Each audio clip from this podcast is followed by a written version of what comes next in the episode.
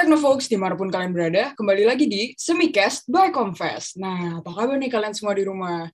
Semoga gue harap kalian semua pada sehat-sehat aja ya. Um, udah nggak sadar nih, kita kayak udah sekitar sebulan kali ya, kita PPKM di rumah aja, ngendok, gak ngapa-ngapain. Tapi yang penting gue harap kalian semua tetap happy lah ya di rumah.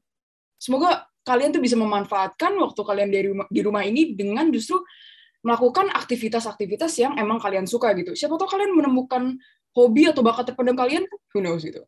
Anyways, uh, jangan lupa juga ya untuk selalu jaga kesehatan dengan selalu menerapkan 5M dan selalu pakai masker nih setiap kali kalian keluar rumah. Dan juga, oh iya, bagi kalian yang belum vaksin, segeralah ikut program vaksinasi pemerintah biar um, kita bisa sama-sama nih membantu menurunkan angka COVID-19 di negara ini gitu. Nah, hmm, mungkin bagi para pendengar setia ngetes ataupun semikas by confess masih agak asing kali ya dengar suara gue. Kayak ini siapa gitu? Kok mukanya gak pernah lihat gitu? Oke, mungkin gue memperkenalkan diri terlebih dahulu ya. Halo semua, gue Vina, gue mahasiswa tahun kedua dari Fasilkom UI, siap menemani kalian di Semikas by Confess kali ini. Nah, oke, okay, tadi gue ngomongin gue masih mahasiswa tahun kedua. Oke, okay, gue masih bisa dibilang kayak maba lah ya hitungannya dan sebenarnya gue jujur oke okay, gue mau curhat sedikit boleh ya. Kayak uh, jadi tuh gue lately suka ada beberapa gue suka ngerasa galau gitu kayak bingung banget nih mau ngambil karir path apa gitu. Gue tuh malam-malam suka mikir bingung kayak walaupun gue masih masih muda ya tapi gue juga agak bingung nih sebenarnya kayak gini. Kayak kira-kira yang paling deket deh gue tuh suka mikir kira-kira tahun depan gue mau ngambil intern apa ya? Kira-kira kayak career path gue tuh apa? Tujuan hidup gue tuh apa gitu? Dan those thoughts constantly running around my mind aja. Dan sometimes itu agak ngebuat gue sangat keganggu ya untuk menjalani hari gue gitu. Kayak gue nggak bisa move forward gitu kalau kayak gitu. Dan tapi gue yakin gue nggak sendirian sih mikir kayak gini. Kayak teman-teman gue juga ada beberapa yang suka curhat ke gue juga mempunyai kayak problem yang hampir sama lah gitu. Dan gue yakin kalian para technofolks juga suka nih galau tentang pilihan karir atau tujuan hidup kalian ke depannya bakal gimana. Nah, oleh karena itu, Confess seperti biasa akan selalu berbaik hati kepada kalian semua, uh, karena hari ini kita sama-sama akan menyelesaikan, kayak membantu menjawab uh, kegalauan kalian atau kegalauan kita bersama ini. Gitu. Here we have it, a very special someone, the author of Visionary Life and also the founder of Islamic Ikigai, a Syariah Finance Professional, ada Kak Jody Adika Prana Sarjono. Halo Kak Jody, apa kabar Kak? Halo Vina, Alhamdulillah baik nih. Vina apa kabar nih? Alhamdulillah baik, Alhamdulillah sehat. Uh, Oke, okay, jadi guys kita sekarang udah kedatangan a very special someone ya, ada Kak Jody di sini. Dan bagi para Technofox yang belum tahu kali ya, Kak Jody ini merupakan penulis dari buku Visionary Life, benar kan ya? Betul. Benar. Jadi mungkin emang pakarnya banget nih kalau urusan kegalauan sama career path atau mungkin tujuan hidup ke depannya gitu. Kayak what's your vision gitu. Uh, but maybe we're gonna get to get we're gonna get to that later. Um, kita mungkin pemanasan dulu kali. Kita pakai topik-topik yang agak ringan dulu. Uh, boleh dong kak ceritain sedikit nih lately lagi sibuk ngapain nih kak selama ppkm ya terutama mungkin. Oke okay, boleh Vina. Jadi sekarang nih gue lo aja ya, kayaknya Technofox nih orangnya gaul-gaul ya dari anak Jakarta. jadi uh, jadi sekarang uh, gue kerja di Link aja ya sebagai syariah VIP nih di Link aja. Jadi Link aja itu sekarang kita punya satu layanan uh, sekarang satu-satunya dan pertama yang punya sertifikasi syariah dari DSN MUI gitu ya. Jadi kita lagi bantu untuk uh, inklusi syariah uh, finansial ya di Indonesia yang digital gitu. Nah, terus kita juga uh, banyak ya melakukan hal-hal untuk uh, membantu rakyat-rakyat, apalagi sekarang lagi lagi banyak pandemi ini gitu. Nah, kemudian uh, saya juga, gue juga banyak ini kecimpung di Islamic Ikigai ini. Jadi bareng sama komunitas kita lagi bantu nih kita bikin acara-acara uh, untuk uh, ngebantu salah satunya ini juga ya topik-topiknya ya kegalauan kehidupan gitu. Jadi di Islamic Ikigai kita membantu itu, kita bentuknya komunitas gitu ya. Dan tentunya sebagai penulis Visionary Life juga uh, senang nih untuk bisa hadir di sini bareng ketemu sama Vina dan teman-teman. Semoga bisa bermanfaat ya. Itu aja. Oh, Oke okay, Kak, berarti tadi uh, Berarti selain work full time, uh, Kak Jody juga meluangkan waktu di uh, komunitas Islamic Ikigai ini ya, Kak? Iya, betul. Boleh dong mungkin ceritain sedikit Islamic Ikigai itu what kind of community is it gitu? Iya boleh. Jadi sebenarnya Islamic Ikigai ini kita uh, muncul ya, di mana ketika ada namanya Ikigai. Kalau Ikigai ini anak-anak zaman sekarang kayaknya seneng banget ya ngelihat framework Ikigai ini. Jadi Ikigai itu sebenarnya asal katanya itu dari kata kehidupan ya. Gai itu artinya bernilai. Jadi Ikigai itu ekspresi jadi kayak alasan kita untuk bangun di pagi hari itu apa sebenarnya. Jadi bayangin Vina nih bangun tidur gitu kan. Terus pas bangun itu biasanya kan mungkin orang yang nggak punya purpose of life gitu ya nggak punya makna hidup kayaknya aduh males pengen pengen tidur lagi seharian gitu kan mager-mageran nah tapi kalau orang yang udah uh, mengenal ini itu bisa jadi semangat dan kasih gairah dalam kehidupan gitu.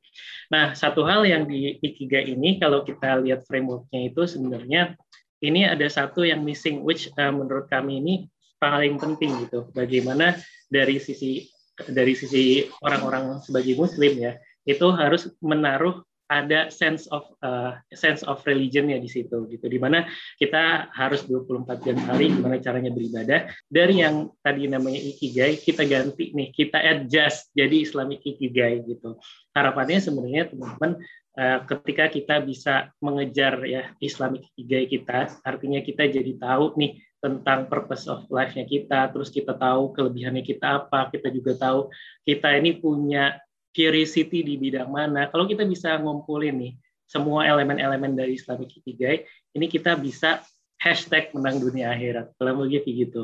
Jadi uh, kita di komunitas ini kita saling bantu satu sama lain. Kita juga udah ada uh, Instagramnya ya. Harapannya bisa memberikan ya manfaat positif ya biar orang-orang itu mengetahui Islamic Ikigai masing-masing terus bisa kejar itu gitu sampai sampai akhir hayat kurang lebih gitu biar kita bisa uh, menang dunia akhirat tadi gitu sih Vina kurang lebih oke kak jadi mm, to wrap it up uh, berarti Islamic Ikigai itu Ikigai tapi gimana kita harus tetap balance ya ke antara dunia dan akhirat ya betul banget betul banget Oke, jadi kan tadi uh, awal-awal tuh aku udah cerita sedikit ya kak. Kalau aku pribadi sih suka galau banget nih malam-malam mikirin karir aku ke depannya gimana. Kayak aku harus ngambil apa ke depannya. Nah, kalau dari kak Juri sendiri, pernah nggak sih kak, misalnya dulu waktu kuliah gitu, atau mungkin um, even sampai sekarang kayak suka ngerasain kegalauan yang serupa gitu kak? Ya, ini cocok banget ya sebenarnya uh, pertanyaan itu juga gue mulai tanya ketika di kuliah gitu ya. Kalau kita biasanya dari dulu ya itu kenapa sih gini? Kenapa sih kita akhirnya ngeluarin pertanyaan itu? Karena dari dulu itu kita udah ada udah ada jerninya gitu ya. Kita dulu TK ya kan misalnya. TK habis itu setelah TK lulus kita ngapain? SD gitu kan. Terus SD belajar lulus akhirnya SMP. SMP selesai ke SMA. SMA selesai kuliah gitu kan. Nah, terus akhirnya ketika ini kita udah mulai mature di umur-umur kuliah ini, akhirnya kita mikir, lah ini habis kuliah ini gimana gitu kan? Kan nggak tiba-tiba banyak gitu. Ada orang yang mau lanjut kuliah S2, ada orang yang mau kerja gitu kan, ada yang mau nikah gitu kan. Nah, akhirnya orang-orang di sini akhirnya termasuk gue juga gitu pas lagi kuliah itu merasakan hal yang sama ada kegalauan gitu ada kegalauan ini harusnya ngapain sih di kuliah ini? Even lebih panjang lagi di hidup ini seharusnya ngapain? Gitu kan. Nah, uh, eh, gue nggak usah uh, banyak uh, panjang lebar di di berbagai macam teori ya. Cuman satu hal yang akhirnya waktu itu uh, gue juga kan merasakan quarter life crisis ya, salah satu bahasanya gitu kan. Ini banyak dilakukan dan ditemukan oleh orang-orang yang misalnya lagi kuliah atau even biasanya kadang bisa bilang ya umur 20-an sampai 25 misalnya quarter kan, quarter life. Nah, itu biasanya merasakan itu kegalauan. Dia tuh bingung, ini uh, hidup mau dibawa ke mana gitu, atau even hidup nih kok rasanya gitu-gitu aja gitu kan. Nah, akhirnya waktu itu itu yang bikin uh, waktu itu gue ada di titik quarter life crisis. Nah, mungkin cerita juga ya tentang tentang dulu pengalamannya gimana sih. Jadi waktu itu sekitar 2013 ya, gue ngerasain quarter life crisis. Kenapa? Karena kurang lebih gue juga sama ya kayak uh, Vina dan kawan-kawan gitu. Di mana waktu itu gue uh, anak teknik komputer. uh, jadi waktu itu uh, lagi belajar bisnis. Terus bisnis ini yang pertama di bisnis investasi, singkat cerita waktu itu kena tipu, kena tipu, habis itu rugi puluhan juta. Nah, pusing kan lagi kuliah, habis itu lah bisa rugi puluhan juta. Habis itu tahun depannya itu gue juga gimana caranya nih harus balikin kerugian waktu itu gitu. Akhirnya nyobain ada bisnis bisnis cabe. Bayangin tiba-tiba jadi bisnis cabe bareng sama teman-teman gitu kan ngumpulin duit sampai ratusan juta.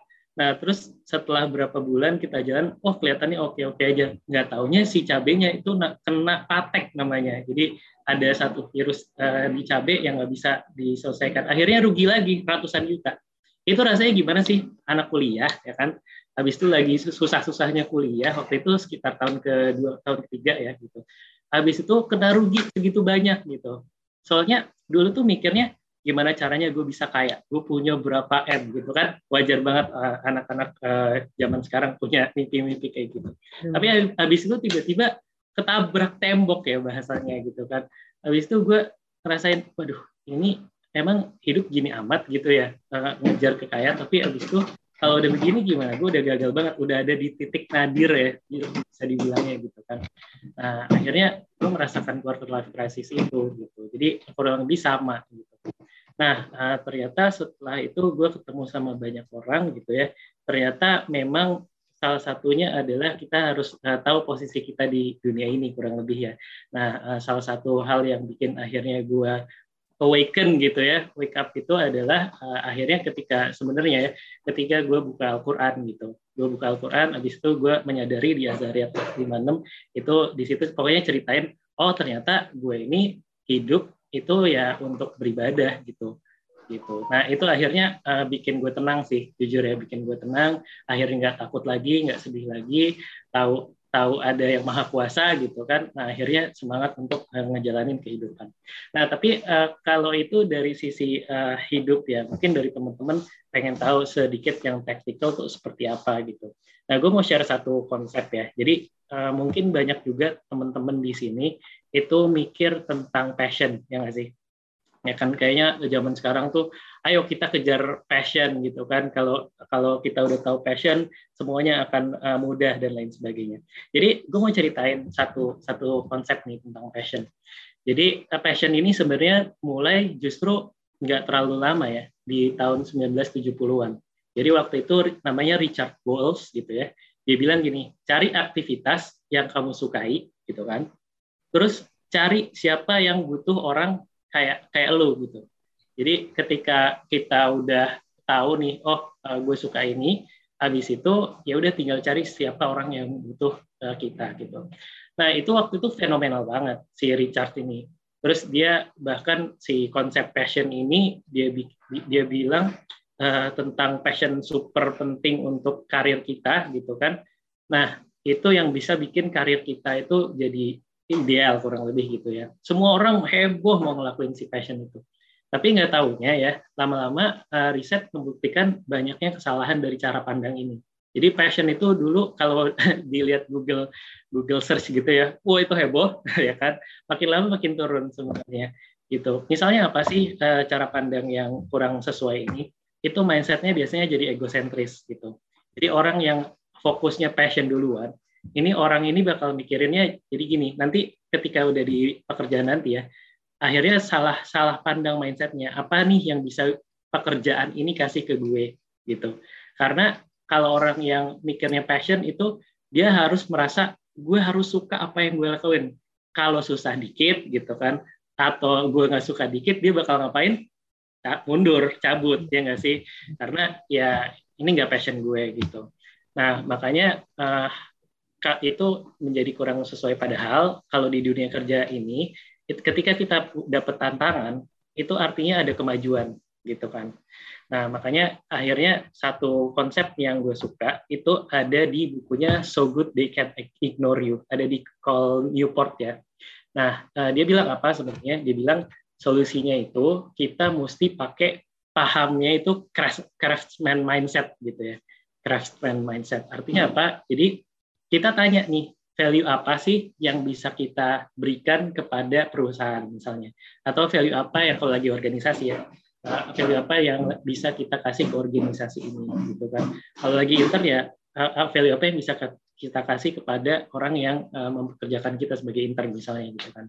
Nah ya udah terus kita perbaiki diri terus dari situ sampai jadi ahli gitu. Jadi fokusnya adalah apa value yang bisa kita berikan kepada orang lain. Itu poin penting highlightnya ya sebenarnya gitu. kurang lebih gitu Vina Oke kak, wah ini udah mm -hmm. udah cukup mencakup banget ya tadi. Aku barusan baru mau nanya kayak bagaimana nih kak cara kita mengatasi. Tapi ternyata udah terjawab juga ya guys. Oke okay, oke. Okay. Jadi nggak cuman egois kayak apa yang kita suka ya kak. Berarti kita harus mikirin hmm. kayak apakah orang lain itu membutuhkan gitu atau tidak gitu ya kak benar?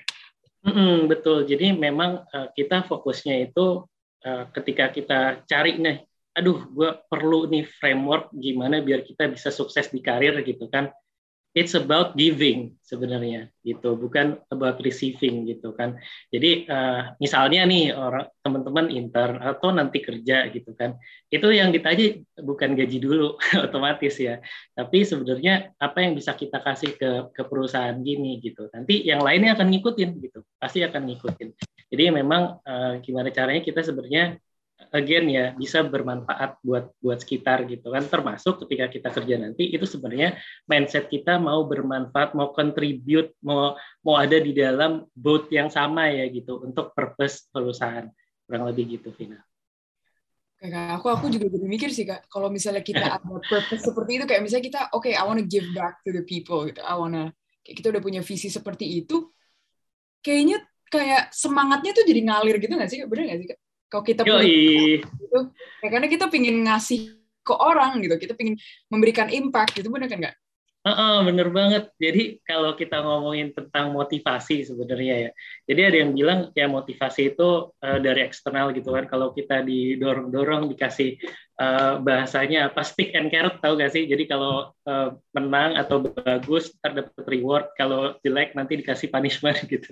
Itu nggak nggak nggak berhasil lah gitu. Itu jam, motivasi zaman dulu. Nah motivasi zaman sekarang itu ternyata memang ketika kita bisa ada atau bisa bigger than ourselves gitu. Jadi maksudnya maksudnya adalah ketika kita udah punya purpose itu biasanya motivasinya itu akan jauh lebih uh, sustain kurang lebih gitu ya. Jadi emang bener banget yang tadi dibilang Tina gitu. Ntar akhirnya jadi ngalir sendiri gitu. Nah masalahnya nanti kita pasti akan mikir juga ya ini untuk dapat purpose ini kan panjang ya ceritanya ya nggak sih nggak nggak akan orang tiba-tiba punya purpose gitu jadi ya emang kita harus sambil sambil jalan sih gitu. Oke kak, kalau ngomongin soal berarti effort untuk mencapai itu cukup cukup panjang ya kak. Tapi mungkin kita bisa um, sharing dulu kali ya kak. Tadi kan kayaknya um, kak Jody sendiri udah udah istilahnya udah udah paham banget lah ya sama konsep uh, ikigai atau kayak tujuan hidup ini sendiri gitu. Uh, boleh nggak kak kayak sharing sedikit nih kira-kira kalau dari dari Kak Jody sendiri tuh tujuan hidup Kak Jody itu apa Kak? And uh, when did you realize uh, you have found your ikigai gitu? Iya, yeah, jadi hmm. Iya, iya. Oke, Vina. Iya, jadi ini tuh uh, gue nemuin ini sebenarnya pas lagi nulis buku Visionary Life gitu ya. Jadi kalau ngomongin ini tuh akhirnya kita akan ngomongin tujuan hidup pastinya gitu kan. Nah, ini yang waktu waktu gue quarter life crisis itu beneran mikirin ini tujuan hidup tuh harusnya seperti apa sih gitu. Karena uh, banyak orang ya yang akhirnya uh, punya tujuan hidup mungkin ya tanda kutip kurang sesuai. Misal gini, tujuan hidup orang tuh apa sih? Uh, biasanya kita akan pengen ya, pengen dapat kesenangan ya sih, pengen bahagia aja gitu ya kan. Atau ada orang yang kita lihat lagi ya, yang lain tuh ada orang yang cari kekerenan. Sama gue dulu misalnya pas SMP uh, ekskulnya basket gitu, biar dilihat keren. Basi itu banyak banget sih kak sekarang kayak gitu. Apa, iya makanya. gitu. Iya uh. pengen dilihat keren gitu nggak iya, sih? Iya. Terus ada lagi orang yang misalnya uh, gengsi gitu ya. Jadi dia mau beli barang-barang mahal biar pokoknya kalau kalau ngelihat kita, oh kita tuh dikaitkan dengan barang-barang mahal gitu. Banyak juga kan. Nah ada orang juga yang misalnya uh, tujuan hidupnya mencari power atau jabatan gitu. Jadi uh, dia udah jadi kepala daerah, mau jadi jadi presiden gitu misalnya dan lain sebagainya gitu. Tapi uh, mindsetnya itu bukan giving again ya, tapi untuk mendapatkan jabatan lebih tinggi lagi, lebih tinggi lagi, dapat power, bisa nyuruh-nyuruh orang gitu. Nah, ada aja orang yang seperti itu gitu kan. Ada lagi orang yang carinya popularitas gitu. Jadi misalnya kita mainan Instagram, pengen jadi selebgram gitu tapi tujuannya bukan biar kita memberikan impact positif buat sekitar, tapi gimana akhirnya kita punya followers ratusan ribu sampai jutaan gitu. Rasanya kalau ada satu haters gitu, uh, dunia langsung luluh hantak gitu ya nggak sih? ada orang yang cari popularitas, ada juga orang yang cari uang gitu kan. Jadi uh, orang cari uangnya uh, benar-benar cari uang yang akhirnya menjadi tujuan akhir dari hidup kita gitu. Nah ada satu hal yang menarik ya yang gue mau ceritain yang ini penting buat uh, teman-teman kita gitu ya. Jadi uh, mentor gue itu punya satu satu apa ya uh, orang yang dia dia kagumi lah. Akhirnya dia aja ketemu. Ternyata orang ini itu salah satu dari 10 orang terkaya di dunia eh, di Indonesia di Indonesia. Ya jadi kebayang lah kayaknya super super melintir tajir melintir lah ya. Nah terus uh, mentor gue ini nanya sama si, si or, salah satu orang terkaya di Indo ini gitu kan. Eh uh, Pak Bapak kan udah punya apa aja? Bapak udah bisa ngapain aja? Mau keliling dunia bisa mau punya villa di atas gunung misalnya bisa punya kapal pesiar apa segala macam bisa. Uh, terus lu mau apa lagi sih Pak? Ya kurang lebih gitu ya bahasanya. Lu mau apa lagi sih? Ternyata jawabannya si orang terkaya ini jawabannya adalah I want more money gitu. Ini nggak make sense kan? Tapi itulah yang terjadi teman-teman. Jadi kalau akhirnya kita apa ya eh, fokus orientasinya adalah uh, uang gitu bukan uang mengikuti ya kembali lagi fokus orientasinya adalah uang itu seperti hedonic treadmill sebenarnya ujung-ujungnya. Artinya apa? Kayak kayak kita kayak kita uh, jadi apa sih hamster yang yang lari-lari gitu kan di dalam uh, roda gitu. Nah itu akhirnya kita nggak akan ke mana-mana sebenarnya. Jadi kayak jalan di tempat aja gitu. Nah karena namanya manusia itu kalau yang kita kasih makannya itu apa ya badan kita gitu ya yang kasih makan badan bukan otak gitu ya itu akhirnya seperti treadmill kayak misal ya kita dapat dapat satu hal seperti, uh, segini gitu ya misalnya uh, ya misalnya kita dapat enam gitu ya misalnya.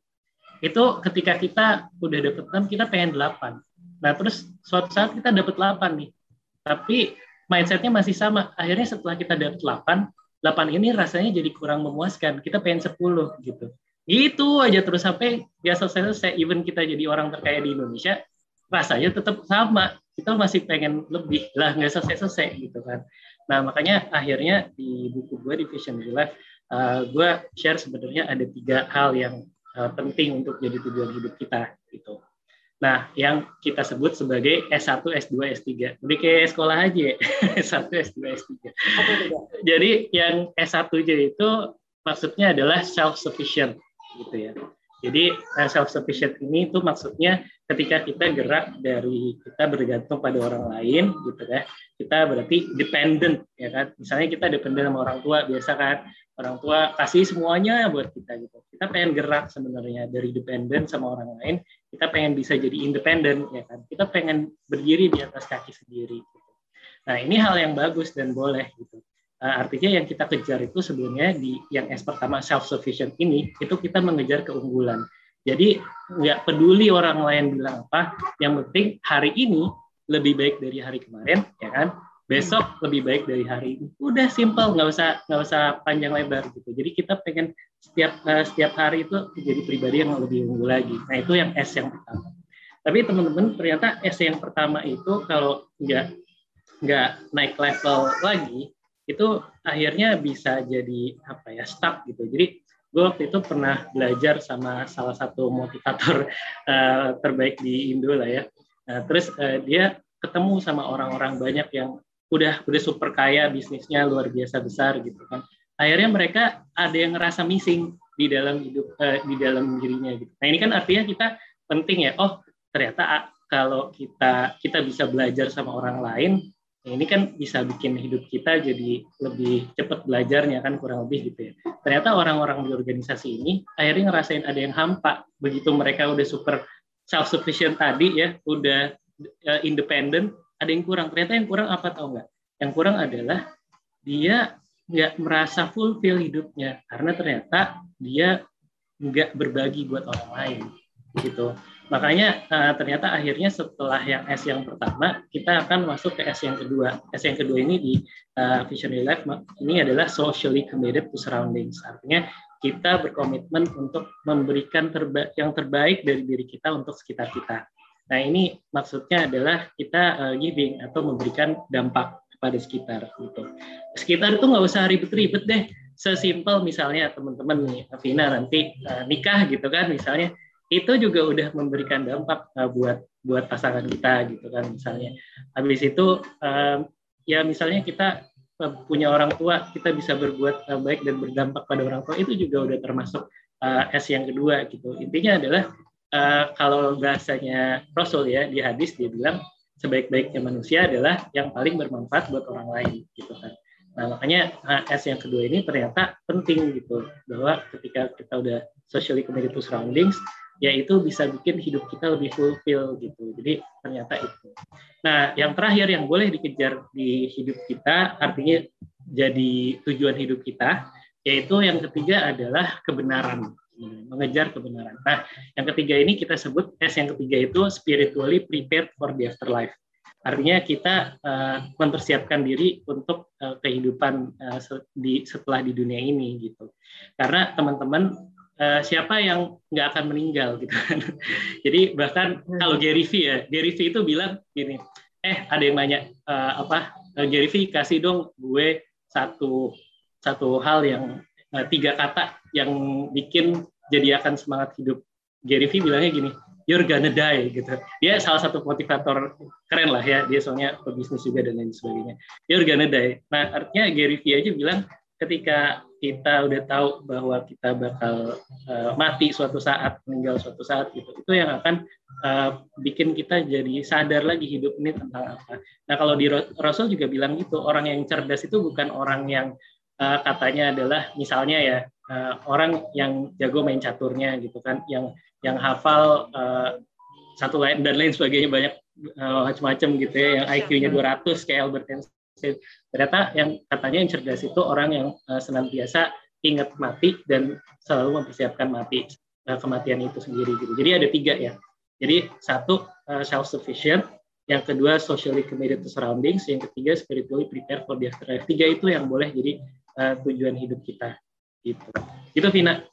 Oke, Kak. Jadi, oke, okay, guys, bagi kita para Technofolks to wrap it up, berarti yang pertama uh, berarti it's all about balance ya kak. Di mana kayak di pas di dunia pun kita harus selalu berusaha gitu. Berusaha untuk apa ya um, selain kita juga bahagia mungkin kita juga harus bukan mungkin ya pasti kita harus juga harus apa ya, berusaha untuk uh, memberikan impact kepada orang lain. Bagaimana kita uh, harus jadi orang yang bermanfaat buat lingkungan kita gitu.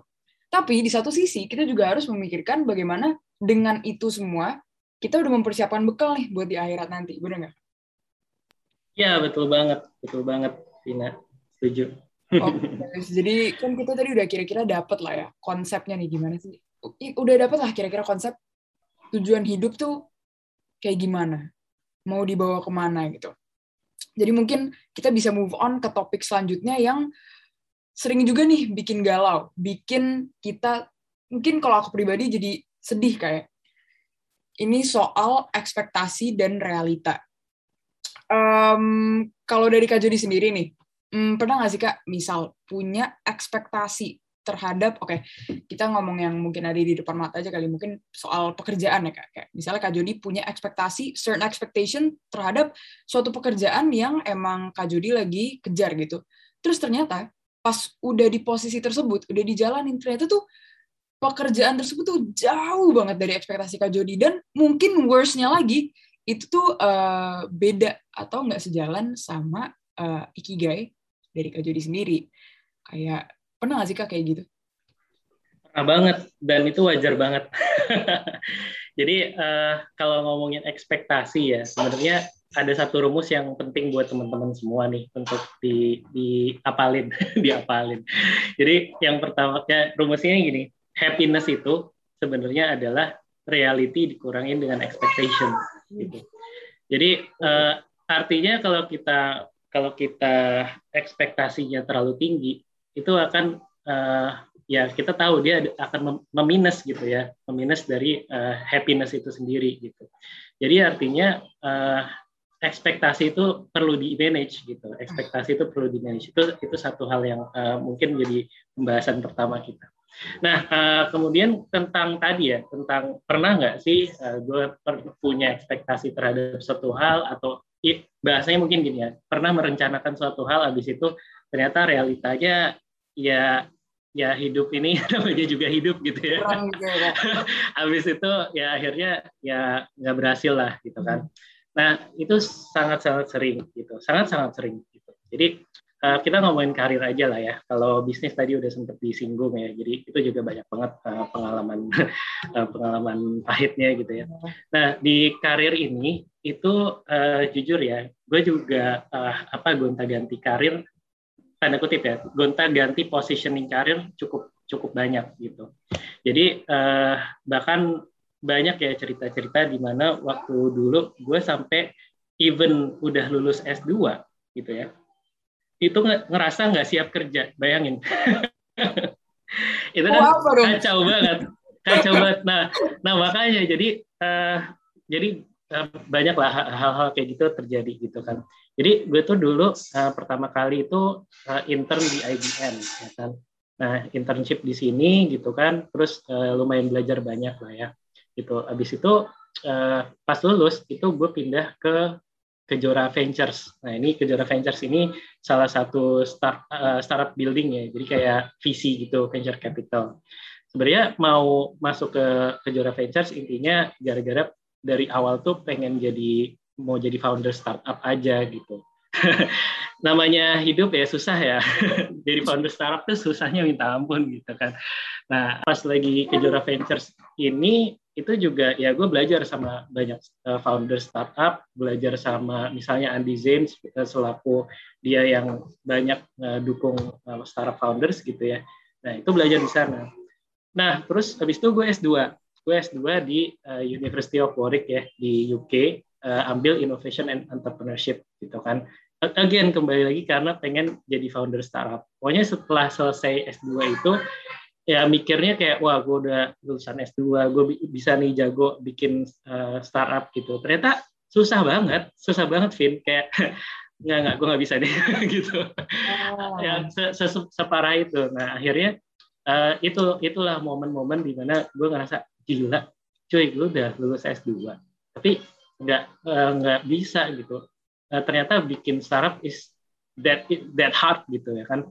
Nah uh, sampai akhirnya gue juga bingung karena uh, gue lulusan teknik komputer nih gitu kan. Diband uh, kalau kalau lulus cum laude gitu ya. Alhamdulillah cum laude tiga setengah tahun gitu. Kelihatannya keren gitu kan di atas kertas. Tapi dari sisi programming skills gitu misalnya kalah jauh lah sama teman-teman yang lain gitu. Even kayak uh, apa ya gue coba uh, ngoding gitu nggak bisa nggak bisa lama gitu. Kayak cepet banget capeknya. Kayak nggak nggak nggak ada nggak ada talenta di sana nggak ada passion di sana. Terus nah itu yang makanya gue bilang wah kayaknya gue nggak siap nih buat kerja gitu. Nah akhirnya uh, ya waktu itu gue mau coba banting setir. Wah ini lagi uh, nyambung lagi keren nih data scientist gitu kan. Mm-hmm. nah akhirnya gue masuk ke Ikra tapi even di Ikra itu pun bukan sebagai data scientist tapi sebagai product associate gitu ya.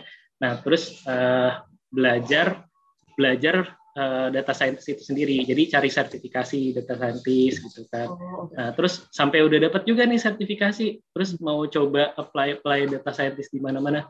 Tapi asli rasanya gue tuh kok nggak apa ya, nggak nggak ada engine-nya untuk gerak gitu, untuk untuk ngejalanin diri sebagai data scientist gitu. Hmm. Walaupun udah punya sertifikasinya, udah kerja di Ikra gitu ya. Nah, makanya akhirnya gue waktu itu baru nemu ini, wah gila. Uh, oh, oh gue sekali lagi bahkan uh, salah waktu itu uh, gue pernah uh, belajar juga jadi Scrum Master. Jadi uh, mungkin teman-teman kalau di Fasilkom pasti tahu ya ada kalau di kalau ngomongin tentang Scrum gitu kan ada product owner, ada development team, ada satu lagi Scrum Master. Oh jangan-jangan uh, gue bisa nih jadi Scrum Master mengingat peluangnya masih besar banget. Gue ambil juga tuh sertifikasi tuh Vin. Jadi kayak wah semangat banget gue ngambil semuanya. Terus mau coba play di sana sini sebagai Scrum Master, tapi again gagal lagi gitu, gagal lagi.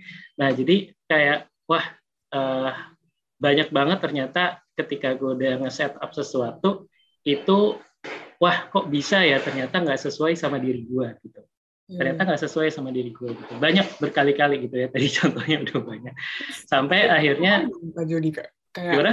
Uh, Kak Jody ngapain kan udah udah nyobain banyak banget field ya hitungannya kayak iya. coba uh -uh. dengan kayak istilahnya gambling juga lah karena kan Kak Jody kan invest uh, waktu Kak Jody. Mm -hmm. invest waktu invest tenaga di situ kayak. Uang juga cuy. Lupa lupa. Sering lupa. Lupa yang paling penting mungkin uang. Oh enggak ya? Nah itu uh, kira-kira um, pas Kak Jody ada di posisi itu rasanya gimana ya kak? Kayak apa kayak aduh I just wanna give up atau kayak pas aduh kok ini kok nggak ketemu titik terangnya? Gitu kayak uh -uh. apa yang kalian lakuin waktu itu? Iya itu beneran galau stres itu sih. Maksudnya kok uh, bisa ya uh, dari dulu tuh gue selalu achiever gitu ya dari hmm. SD SMP SMA segala macam ya uh, pokoknya juara kelas lah gitu dan lain sebagainya. Nah, ternyata reality sucks gitu sorry ya bahasanya.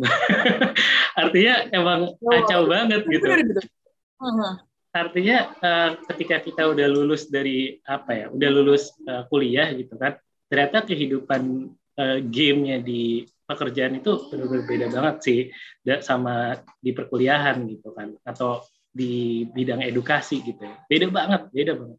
Nah makanya waktu itu uh, start gitu ya ternyata reality hits me very very hard gitu kan. Uh, terus ya udah uh, waktu itu ya udah kita cari deh gimana sih? Ada nggak titik temunya gitu kan? Ternyata salah satu hal lagi yang yang waktu itu kenapa belum ketemu karena gue baru nemu ada satu role yang ternyata cocok banget sama gue gitu. Oh, betul. itu uh, product manager namanya product management gitu. Nah itu juga baru baru booming di kita mungkin berapa ya 2017-an ke atas gitu kali ya gitu ya. Emang baru-baru banget deh uh, role product manager ini ada Nah ini ternyata cocok buat uh, gue yang punya apa ya uh, spesifikasinya orang orang generalis yang suka nge-create value gitu ya. Jadi nge-create value bisnis, nge-create value company ataupun dari produk itu sendiri gitu ya. Ternyata ini cocok gitu. Jadi akhirnya nemuin satu hal. Jadi keep exploring. Ketika lagi di situ keep exploring ya sampai kita ketemu uh, mana yang sesuai dengan skill kita, talenta kita, sama minat kita gitu kan. Nah, akhirnya ya alhamdulillah Allah kasih jalan waktu itu ketemu uh, ini namanya role product management ini. Nah, ini rasanya kayak langsung wah, ini wah. nih kayak happy banget gak sih? Langsung ping gitu kan. Nah, akhirnya yeah, yeah. waktu itu akhirnya gue kerja di uh, pelu, uh, peluang dulu namanya Emas Digi ya, Emas hmm. Digi. Itu juga gara-gara ini gue ngefans banget sama uh, Ko Natali Ardianto ya dulu ctlticket.com ya alumni kita juga lah ya kan Natalia Ardianto. Nah terus uh, ngefans sama ngefans sama beliau nih waktu itu. Hmm. benar-benar sampai ngejar uh, Konat ini sampai ke event-event gitu. Cari cari dia kenalan. Sampai akhirnya ya masuklah masuk ke peluang Mas Digi itu dari situ. Dari situ berlanjut gitu. Akhirnya uh, gue masuk ke Tokopedia jadi hmm. product manager di sana dan ya benar juga ketika kita udah sesuai nih uh, sama diri kita, kita punya minat di mana, akhirnya bisa melejit gitu, bisa melesat gitu kan. Nah, akhirnya ya gue bisa sampai ke Tokopedia uh, landing dengan dengan baik gitu dan akhirnya bisa uh, ngembangin karir mulai dari sana sampai akhirnya sekarang kuliah aja. Gitu, Vin. Aku dengernya kayak ini kayak ini kayak film gitu gak? long journey gitu untuk mencapai di poin ini. Tapi pas udah uh, Kak Jody udah mencapai di titik ini sekarang, uh, do you have any regrets? Kayak, aduh gila, harusnya kemarin gue nggak gini gini gini. Atau kayak, it is a long journey, cuman emang emang emang harus semua itu baru ke titiknya gimana Kak Arafah? Uh, bener banget yang kedua, Vin. Kayaknya Vina juga udah tahu jawabannya sih ya. Jadi emang ternyata kalau ngomongin regrets itu, uh, apalagi kita tanya deh deh sama orang-orang yang udah tua, ada risetnya even ya. Apa sih yang bikin bikin lo nyesel selama hidup gitu kan? Uh, riset ke orang-orang tua yang yang udah sepuh banget gitu kan, ditanyain ya kurang lebih highlightnya sebenarnya intinya ini. Gitu. Kita itu Eh, nggak uh, akan regrets terhadap hal apa yang kita lakukan selama itu baik ya hmm. hal apa yang kita lakukan selama uh, kita benar-benar berusaha terhadap hal itu yang akan kita regrets adalah hal yang tidak sempat kita lakukan atau tidak jadi kita lakukan. Bener banget, oh bener banget, bener banget, ngerti kan? Aku gimana, gimana? Kayak aku juga kadang suka mikir gitu kak kayak misalnya ada teman aku yang nanya kayak eh minggu gue coba ini apa enggak ya tapi gue gak bakal terima pasti aku selalu bilang kayak ya lu bakal lebih nyesel, lu bakal lebih sedih kalau lu gak nyoba gitu. Ya. Bener kak? Jadi itu itu valid ya kak? Banget. Valid banget, valid okay. banget. Cocok nih. Oke. Okay. Ya, pekan ya, depan Vina yang jadi pembicara. Aduh. Masih kentang banget kak, belum maaf, maaf, belum sampai Aduh, oke okay, guys. Jadi intinya setiap kali kalian ngelihat peluang atau kalian curious about something, udah coba aja dulu. Masalah keterima atau enggak itu ntar aja ya kak, bener nggak? Betul, betul banget. Karena akan lebih nyesel kalau nggak coba. Yes, true. Betul Oke. Okay. Oke, okay, kita udah mencapai di ujung pembicaraan kita nih kayaknya Kak. So sorry. Um, untuk to wrap it up, uh, kira-kira kita masuk ke tips dan saran aja kali ya Kak. Untuk uh, Teknofox yang lagi dengerin nih. Dan mungkin yang dengerin masih uh, remaja, masih mahasiswa gitu. Kayak aku gitu um, apa aja sih kak mungkin yang harus kita keep in mind selama kita lagi nyari ikigai kita, selama kita lagi pursue uh, suatu uh, karir gitu. Kadang kan kalau misalnya aku pribadi ya, aku ngerasa karena mungkin aku masih muda juga, um, kadang kalau misalnya kita melihat temen A ngelakuin sesuatu, dia keren nih, wah aku ngelihat itu keren gitu, aku jadi pengen ngelakuin hal yang sama. Hmm.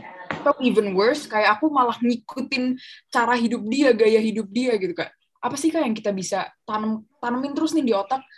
Um, biar kita nggak nggak belok-belok gitu ngikutin jalan orang lain yang mungkin itu jalan kita gitu. Iya iya iya. Jadi gini uh, ini makanya kita bikin framework Islamic Ikigai ya. Salah satunya untuk uh, menjawab itu juga gitu. Jadi uh, kita sering ya ngelihat wah orang lain sukses kita ikutin deh jalannya gitu kan. Nah not not necessarily uh, the answer actually gitu kan. Jadi uh, sebenarnya gini kita balik lagi aja ke frameworknya. Nah di framework Islamic Ikigai itu ada empat lingkaran ya kurang lebih. What you are good at what you love what the world needs uh, according to Islam ya sama what you can be rewarded for jadi ada empat ini yang kita adjust ya dari lingkaran Ikigai jadi untuk yang what you are good at ini sebenarnya kita akan berbicara tentang kita harus utilize uh, our unique talents gitu. Bahwa setiap orang itu punya talenta yang masing-masing dan keunikan masing-masing gitu. Mungkin kalau dulu di zaman industrialisasi ya, itu ya kita diseragamkan semua gitu kan. Kita harus bisa ngerjain ini di industri uh, gitu kan, di pabrik biar bisa apa biar bisa nyelesain waktunya, biar bisa nyelesain produk dengan waktu yang cepat dan lain-lain. Gitu tapi sekarang zamannya udah berbeda. Gitu. Ini zaman now ini kita harus tahu gimana cara kita main di zaman ini. Uh, yang ternyata adalah sekarang itu kita menjadi generation of choices, ya kan? Di mana di depan banyak banget uh, apa opsi-opsi yang bisa kita ambil gitu. Kita bisa kerja di sini, kita bisa ambil industri expertise di sini dan lain-lain gitu kan. Nah makanya dari semua keribetan itu, why not kita balik ke diri kita sebenarnya gitu. Jadi ayo kita balik ke diri kita, kita cari nih, kita harus tahu diri kita itu bentuknya seperti apa ya gitu. nah bahasanya gini, jadi kita itu uh, contoh ya kalau di uh, talent mapping atau tema bakat itu kita bisa taruh ternyata bakat orang itu bisa dikategorikan ke 34 gitu. Ini dari Gallup dari US ya. Jadi ketika kita udah tahu misalnya ya tujuh bakat utama kita apa gitu kan Nah, itu akan lebih mempermudah kita untuk uh, honing our skills di bidang itu. Contoh, ternyata gue itu ya kan uh, punya fokus, punya analytics misalnya, punya ideation, punya futuristik, uh, punya uh, strategi gitu dan lainnya gitu kan. Yang ternyata memang ya ketika gua connecting the dots, kalau kata Steve Jobs kita bisa connecting the dots backward katanya ya. Itu emang sesuai banget sama role sebagai si produk itu gitu. Oh. kan atau yang create value tadi gitu. Okay, okay, Jadi ternyata talenta gue ini sangat mendukung terhadap uh, job desk dari ini gitu. Nah ini kan uh, akhirnya gue baru sadar, oh iya makanya makanya ini akhirnya jadi cocok karena gue punya talenta ini. Nah kalau kita nggak tahu tentang diri kita, gimana caranya kita akhirnya bisa nyambungin gitu kan? Nah makanya kita jadi bisa sebenarnya ya uh, cari tahu diri kita, misalnya misalnya kita ikut uh, apa namanya uh, tes tes psikologi gitu kan? Atau misalnya kita juga bisa uh, bisa cari nih zaman dulu tuh pas kita kecil tuh kita sukanya apa sih sampai kita runut deh decision decision yang kita lakuin di hidup kita ini untuk mengacu sebenarnya strength kita apa. Kalau bahasa SWOT gampangnya ya strength kita apa weakness kita apa gitu. Untuk kita mengenal diri kita. Jadi itu sangat penting ya mengenal diri kita.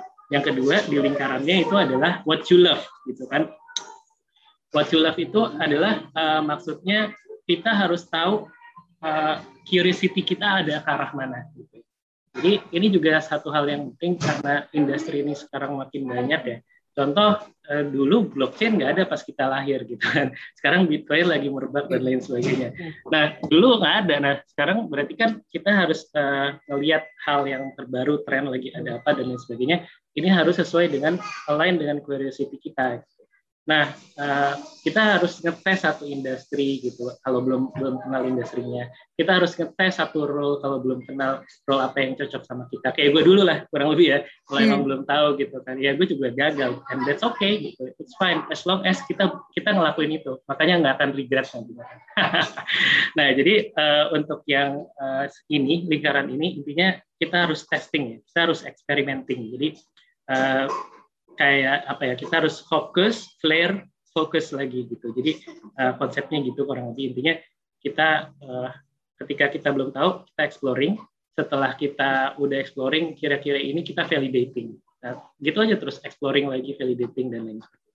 Nah intinya itu di lingkaran uh, line with your curiosity. Terus uh, dua hal lagi yang nggak kalah penting yang yang yang lingkaran ketiga ini adalah what you can be rewarded for gitu ya. Kalau di lingkaran tiga ini kan cuma uang aja. Kita tahu ternyata it doesn't work like that gitu di di kehidupan kita. Jadi what you can be rewarded for ini intinya sebenarnya kita ingat kembali eh, tiga uh, S yang tadi udah sempat gue sebut ya. Self sufficient, socially committed surrounding, spiritually prepared for the afterlife. Kalau kita ingat tiga ini, in, uh, jadi insya Allah gini, kalau setiap kita ngelakuin suatu hal gitu ya, kita akan mengingat kembali tujuan akhirnya. Kenapa sih uh, at the first place gue ngelakuin ini? Hmm. Oh ternyata ya biar kita bisa S1, S2, S3 tadi, kalau bahasa gampangnya biar bisa mandiri, bermanfaat, diridoi gitu ya. Ya as long as uh, nyambung ketiga ini, ya berarti uh, worth, worth it gitu untuk kita lakukan gitu kan. Bahkan uh, bahasanya itu ketika kita uh, gimana sih cara biar kita survive ya kalau kita uh, apa ya ingat Allah terus ya kurang lebih gitu itu nggak akan ada rasa uh, takut dan nggak akan ada rasa sedih gitu, kata Quran gitu. Nah yang keempat ini uh, what the world needs ya. Nah what the world needs ini intinya kembali lagi ya uh, kita punya purpose gitu ya. Hmm. Kita uh, kita harus punya purpose seperti apa purpose-nya dan kita uh, terus exploring mencari kebenaran itu sendiri gitu. Nah jadi kalau kita bisa ngumpulin empat lingkaran ini itu itu akan menjadi pribadi yang paripurna tadi untuk hashtag menang dunia akhirat kurang lebih gitu ya. Jadi uh, itu tipsnya sebenarnya buat teman-teman. Jadi jangan lupa uh, kenali diri sendiri uh, highlightnya ya sama jangan lupa untuk keep exploring baca buku yang banyak gitu ikutan kegiatan ini itu untuk uh, mempertajam honing skills kita jangan lupa leadership juga uh, penting gitu kan di kehidupan uh, kerjaan nanti gitu pokoknya uh, networking juga penting banget. Uh, gue li, lima kali, if not enam kali ya ker, uh, kerja itu bisa masuk gara-gara punya network gitu. Jadi kurang lebih itulah uh, tipsnya. Oke kak, wow itu wah itu udah nge-summarize everything gak sih kak? Iya gak sih? ya kan intinya kalau misalnya kita mau, tiap kali kita ngerasa galau tuh itu inget itu aja. Anyways, betul, betul Aduh, sayang banget nih Kak. Sayang sekali semua Technofolks. Uh, mungkin kita udah sampai di penghujung acara ya, karena uh, ya udah udah tadi udah udah banyak banget nih yang kita bahas. Udah udah sangat amat insightful dan jujur kalau aku pribadi ya, aku dengernya juga jadi Gak tuh sih aku tadi jujur keasikan denger jadi kayak oh, ternyata ternyata gini loh caranya gitu untuk membuat hati lu tenang gitu selama lu menjalani um, uh, hari hari-hari lu kayak uh, kuliah atau lu lagi intern atau lu nanti kerja gitu ini loh kayak yang bisa ngebuat lo tenang gitu jadi intinya guys oke okay, ini gue agak summarize the whole conversation aja ya pertama yang harus kalian lakuin adalah um, kayak know yourself well. Kalian tuh harus apa ya? Kayak kenali diri diri dulu deh. Kalian tuh bisanya apa? Kalian sukanya apa? Kalian tuh kira-kira apa yang bisa kalian lakukan untuk yang terpaling penting adalah memberikan impact kepada masyarakat, memberikan impact kepada orang lain gitu, untuk membantu orang gitu. Dan nomor dua yang kayak tadi Kak Jody bilang, kayak perjalanan hidup Kak Jody nih, it's all about exploring. Dan kayak nggak takut gagal nggak sih Kak kayak gitu? Yang penting kita coba aja dulu gitu kan. Betul, betul. Nah, ya. Dan uh, ini juga penting sih, di mana kita um, semua itu harus balance ya, dunia dan akhirat ya kan. Karena kan kayak ada ada ada yang namanya hidup setelah kita mati gitu. Jadi kita harus memikirkan hal itu juga. Dan mungkin um, to untuk what keep uh, untuk membuat kita agar termotivasi sehari-hari itu kayak kita harus punya that um, one particular reason atau one sole reason kayak apa sih yang membuat kita apa sih tujuan kita? Oh kita ngelakuin ini karena tujuannya mau ini gitu. Kayak find that motivation that reason to keep you going. Bener nggak kak ya betul betul oke okay. gitulah Teknofox mungkin bisa dicatat dirangkum direkam eh di gak usah direkam nih didengerin aja ulang terus ya biar viewsnya nambah oke okay. nih kalau tiap kali kalian galau tiap kali kalian ngerasa sendirian in this problem enggak kok banyak juga orang ngerasa kayak gini kayak Kak Jody pun lu juga merasakan hal yang sama. Tapi ya, at the end itu semua akan berakhir dan pasti akan ada titik terangnya ya, Mas Betul banget, betul banget. Oke, karena tadi kita udah nyampe di penghujung acara. Um, so ya, yeah, first of all, aku mau bilang terima kasih banget nih buat Kak Jody udah meluangkan waktunya, udah mau berbagi ilmu, berbagi cerita sama kita semua di Semikes by Confess kali ini. Makasih banyak ya, Kak. Siap, sama-sama. Boleh uh, closing nggak? Ada oh, satu boleh. nih yang penting ya. Oh, Ya, jadi uh, satu hal yang penting buat teman-teman bahwa uh, banyak orang yang anggap bahwa hidup itu kayak perlombaan gitu ya. Contoh uh, di sesi Q&A banyak banget yang tanya gitu ke gue misalnya, saya udah lulus S1 nih, tapi nggak kayak teman-teman saya yang udah sukses lanjut kuliah, dapat pekerjaan gitu kan. Ada yang bilang, wah Uh, kak saya udah umur 27 tapi ngerasa banyak banget tertinggal sama teman-teman seumuran gitu kan. Ada yang bilang even ya saya udah umur 35 tapi hidup masih gini-gini aja. Yang lain kok udah punya anak, punya pekerjaan mapan kok kok saya gini-gini aja gitu ya. Nah, jawaban saya simpel. Setiap orang itu yang tinggal di belahan bumi ini punya waktu masing-masing ya nggak sih? Jadi ada yang kalau di Inggris tuh dulu gue GMT plus nol ya nggak sih? Kalau di sini kita di Jakarta misalnya itu GMT plus 7. Ada yang GMT minus 4C gitu kan. Nah, apakah waktu di suatu wilayah itu lebih baik dari yang lain? Ternyata enggak gitu kan.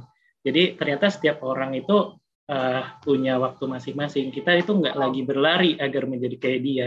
Kita nggak lagi lomba biar bisa ngalahin dia gitu. Kita nggak lagi berusaha biar ke atas biar kita bisa dilihat sama orang lain gitu ya. Jadi kayak di Visionillah kayak di Islamic Ikigai kita fokus aja pada aktualisasi diri. Pastiin hari ini kita lebih baik dari hari kemarin gitu. Because you are not late, you are very much in time. Wah, kelas. Oke. Okay. Wah, Kak, aku tuh belum pernah ya denger denger nasihat nasihat kayak oke okay, semua orang ada timeline. Aku sering mendengarkan itu, tapi nggak pernah ada yang men, ada yang menyampaikan ke aku dengan perumpamaan kayak Kak Jody gitu, di mana ada kayak oh ya di di misalnya di Inggris oh plus nol, di Jakarta plus tujuh, di misalnya di Kalimantan plus delapan, tapi kan ya sama aja nggak ada yang berubah gitu ya Kak. Jadi intinya it's it's it's yeah. it's it's all the same gitu. Wow, oke. Okay. Oke, okay, sekarang aku udah kayak masuk gitu sih ke otak. Oke, okay, Teknofox dengerin ya semua kalian itu perumpamaan perumpamaannya pokoknya gitu GMT GMT itu perumpamaannya. Jadi oke. Oke, oke, oke, oke, oke. Ini ini ini terlalu keren tuh. Agak susah nih mencernanya. Oke. Okay. Oke, semoga conversation kita tadi itu bisa inspire dan membantu para technofolks yang memang sedang kebingungan nih di aspek-aspek yang tadi tadi semua udah kita bicarakan gitu. Semoga ini uh, bisa membuat kalian tenang gitu. Nah, um, tapi Oke, okay. tapi kalian gak usah sedih nih, karena Semikas by Confess akan kembali lagi minggu depan dengan topik yang gue yakin gak kalah seru. So stay tuned, uh, make sure to subscribe di uh, YouTube channelnya Confess, terus follow us juga on Spotify, uh, ngetest. Dan yang paling penting nih, untuk follow us on Instagram at Confess, untuk tahu nih rangkaian-rangkaian acara apa lagi yang bakal ada di Confess uh, minggu-minggu ke depan gitu. Gue jamin kalian gak bakal nyesel nih. Oh, bentar, lupa-lupa. Ini, ini penting juga nih uh, untuk kalau misalnya kalian kan udah denger nih ceritanya Kak Jody nih. Kalau kalian sekarang jadi ngefans parah sama Kak Jody kayak gue sekarang ngefans parah, kalian nih harus banget follow linkedin Kak Jody ya. Langsung aja cari di uh, LinkedIn gitu. Habis itu, oh ya kayak tadi kan gue udah bilang juga, uh, Kak Jody ini merupakan author of uh, Visionary Life ya. Boleh banget nih guys dicek bukunya di, uh, bisa juga dibeli bukunya di visionary.id ya Kak, bener Kak? Nanti bakal di situ diarahkan ke Tokopedia. So it's it's really easy, just check it out. Abis itu jangan lupa juga untuk follow Instagram Islamic Ikigai karena kayak um, it's a community yang di mana lo bisa mungkin uh, talk with um, orang-orang yang yang having mungkin the same problem dan kita bisa solve it together gitu intinya. Oke okay, dan ini udah agak terlalu uh, lama kita ngobrol ya. Oke, okay, let's let me just close this up. Uh, gue Vina selaku host dari Semicast by Confess kali ini pamit undur diri. Bye bye.